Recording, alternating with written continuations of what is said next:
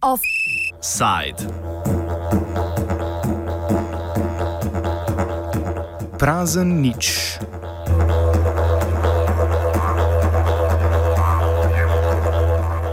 Po sobotnem volilnem kongresu stranke socialnih demokratov se je njeno formalno novo vodstvo, kot kaže, odločilo za zasuk v levo.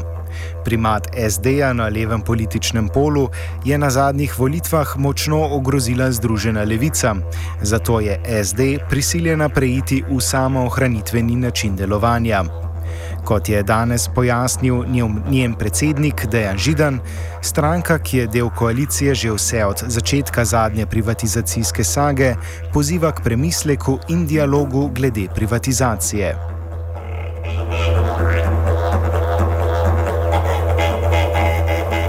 Svoj obrat SD pojasnjuje spremembo okoliščin od trenutka, ko je bil sestavljen seznam 15 podjetij za prodajo pred letom in pol. Kar se tiče seznama 15 podjetij, bi rad jasno povedal, da ta seznam je bil tudi v državnem zboru sprejet, ko so bile okoliščine takšne, da je bila Slovenija evidentno v veliki krizi, imeli smo padec gospodarske rasti, imeli smo nemogoče pogoje za zadolževanje, nam se je število zaposlenih zmanjševalo, število brezposelnih je pa naraščalo. Tedaj smo pa sprejeli seznam, očitno v dogovoru z Evropsko unijo. Sedaj je stanje drugačno. Mi imamo v Sloveniji ponovno gospodarsko rast, imamo zmanjševanje števila brezposelnih, trgi nam zaupajo. Novim okoliščinam, po mnenju SD, pritiče nov razvojni model.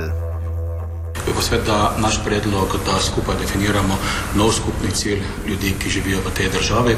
Naš predlog je, da je to skupni cilj, da gradimo družbo, ki bo dobra za vse in ne samo za posameznike. SD je naenkrat ugotovil tudi, da prodaja državnih podjetij ne bo imela bistvenega vpliva na višino državnega dolga, sploh če gre za prodajo dobičkonosnih podjetij. E, pogosto nam tujci, ko se pogovarjajo o privatizaciji v Sloveniji, govorijo, da je privatizacija potrebna tudi zato, ker pač nekateri slabi podjetji ne znamo uh, upravljati. Zdaj potem pa tako tudi kontrovprašanje. Zakaj potem ne rečejo, dajmo privatizirati slaba podjetja, vedno s prstom pokažejo tiste, ki prinašajo dobiček ali velik dobiček, ki ga potrebujemo v državnem proračunu, ker s tem dobičkom mi potem tudi financiramo nekatere javne storitve. Če bi prodali vso premoženje, ki ga imamo, nam se je bistveno zadožitev ne bi zmanjšala. Samo naše generacije, ki pridejo za nami, bi pa ustavili pred dejstvo, da sedaj pa smo država brez premoženja. Kako se je to dejstvo v zadnjem letu in pol spremenilo, bi morda lahko pojasnil Židan. V aktualno politični redakciji Radia Student bistvene spremembe nismo uspeli najti. Publicist Ali Žrdin Židanov obrat v levo pripisuje predvsem dejstvu, da socialnim demokratom podpora pada. Židanov obrat, uh, mislim, da povsem drži teza, izrečena tudi v vprašanju. Ne, uh, obrat je do neke mere povezan z dejstvom, da SD-ju uh, rejtingi upadajo, da je um, z nastopom zopr privatizacijo jih po levi strani, kar je sicer eh, pravilna stran prehitevanja, ne, prehitela Združena levica uh, in um, da je um, SD v uh, neki situaciji, ko pravzaprav ne ve, kaj narediti. Uh, po eni strani bi bili v vladi, po drugi strani pa v vladi ne bi počeli tistega, kar je država oziroma prejšnja vladajoča koalicija že obljubila. Mm, kam lahko to pele? Dej, tako kot sem jaz razbral danes Židanovo govorjenje, on uh, na nek način ne želi zaostrovati uh, odnosov znotraj same koalicije, po drugi strani pa si verjetno prav tako ne želi, da jih Združena levica še bolj prehiteva po, po levi strani. Ne? Za razliko od SD-ja je v včerajšnjem intervjuju za nacionalno televizijo predsednik vlade Miro Cerar izrazil jasno stališče, da se privatizacija 15 podjetij nadaljuje oziroma se ne bo ustavila pod nobenim pogojem.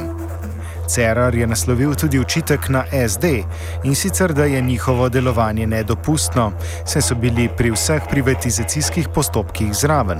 Nadaljuje Žrdin. Dejstvo je, da je socialdemokracija v težavah, eh, ker eh, je bil očitek, ki ga je naslovil na SD, sedaj predsednik vlade Miro Cerar, kar utemeljen. Ne? Se pravi, očitek je bil, lepo prosim, eh, nehajte se sprenevedati, kar počnete, nedopustno, kajti pri vseh programih privatizacije ste bili zraven in ste um, bili tudi v vladi, ko je nastal famozni seznam 15 podjetij, ki so na prodaj, ki gredo v privatizacijo, v narekovajih. Ne?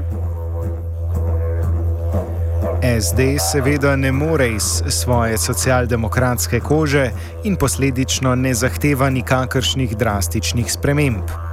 Da se ne bi preveč zamerili našim tako imenovanim tujim partnerjem, si SD zgolj želi, da bi vlada prosila Evropsko komisijo za nove pogovore glede slovenske privatizacije. Dejan Židan o načrtovanih korakih SD-ja. In mi tudi bomo takoj prvič, ko se srečamo, to bo že danes predlagali, da upam, da bodo naši koalicijski partnerji razumeli, da je potrebno glede na nove okoliščine opraviti ali saj prositi, da se upravi še kakšen pogovor v Evropski komisiji in na ravni Evropske unije. SD bi torej Evropsko komisijo prosila, da nam dovoli ne prodati svojega premoženja. Zakaj bi komisijo morali karkoli prositi, se morda vprašate. Židan to utemeljuje z zavezami, ki naj bi jih Slovenija dala.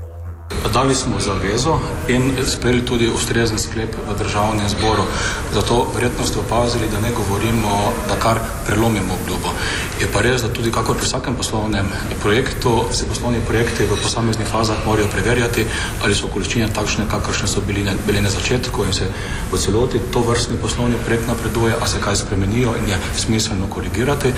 Torej mi predlagamo v tej fazi pogovore z tistimi, s katerimi smo se dogovorili za to vrstne zaveze zaveze. Naj bo privatizacijski proces poslovni projekt, kot ga očitno vidijo v SD ali ne, zavračanje odgovornosti na zaveze, ki naj bi jih Slovenija dala, ni na mestu. Pri teh zavezah se politiki opirajo predvsem na dva argumenta. Prvi pravi, da smo dolžni upoštevati priporočila Evropske komisije. Igor Vuksanovič, ustavni pravnik, je na nedavni okrogli mizi ta argument zavrnil ima Evropska komisija pravico dajati nek vsebinski input pri pripravi proračuna, to vse je nesporno. Ne? Ampak spet ne, te uredbe ne, prav, ne zapovedujejo načina, ne, na katerega bomo svoje proračunske cilje dosegli. Res je, ne, da imajo evropske institucije pravico dajati priporočila. Da je naša pravna dožnost, da, da tem priporočilom prisluhnemo, jih resno obravnavamo, ja, in potem na nje svobodno govorimo, tako, kako želimo. Ne. In res je tudi, da so konkretno ta priporočila dana Sloveniji bila v kar določenih primerjih, bom rekel, kar eksplicitna. Ne? Tako Evropska komisija kot uh, Svet Evropske unije sta pravzaprav v svojih priporočilih nakazala, da želita privatizacijo sta nakazala. Ne. In še več kot to, celo Republika Slovenija v nekem reformnem programu za leta 2014-2015 odgovorila, da bo sledila ne, za dani privatizaciji, da tudi ona to želi. Ne, zdaj.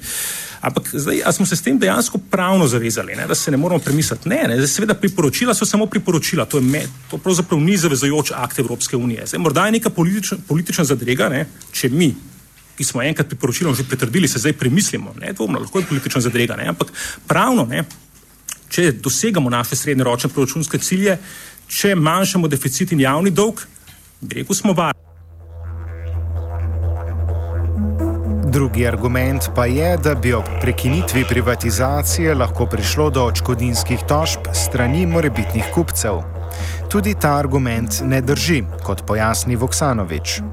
Drugi argument, ki se tiče morebitnih potencijalnih pogodbenih partnerjev. To so zdaj tiste, tisti subjekti, recimo Deutsche Telekom, ki so se javili na mednarodne tenderje, ne, ki so morebiti že v neki predpogodbeni fazi, pogodba je že skoraj sklenjena, potem pa recimo sklep državnega zbora razveljavljen in pogodba nikoli ne bo sklenjena. In zdaj naj bi oni lahko tožili. Ne. Tukaj se je pravna služba vlade obesla na eno določbo obligacijskega zakonika, ki pravi, da odgovarja za škodo tisti, ki se je pogajal za sklenitev pogodbe, pa ni imel resnega namena, ali pa je ta resen namen imel, ampak ga je brez utemeljenega razloga opustil. Ne? Zdaj, tisti, ki je v bistvu nedobroverno odstopil od pogajanj, lahko odgovarja za škodo. Zdaj, najprej moram reči, da ta odškodninska odgovornost tako kvantitativno, ne, po obsegu, niti ni tako zelo grozeča. Tukaj gre v bistvu ne, tudi, če obstaja ta odgovornost za izdatke, ki jih, imel, ki jih je imela ta druga stranka, ne, ki je želela pogodbo s pogajanji, recimo izdatki za svetovalce, potne stroške hotela in tako dalje, to v bistvu niti ni nekaj ne gre za kap, izgubljene kapitalske dobičke, ni nekaj tako groznega, ne?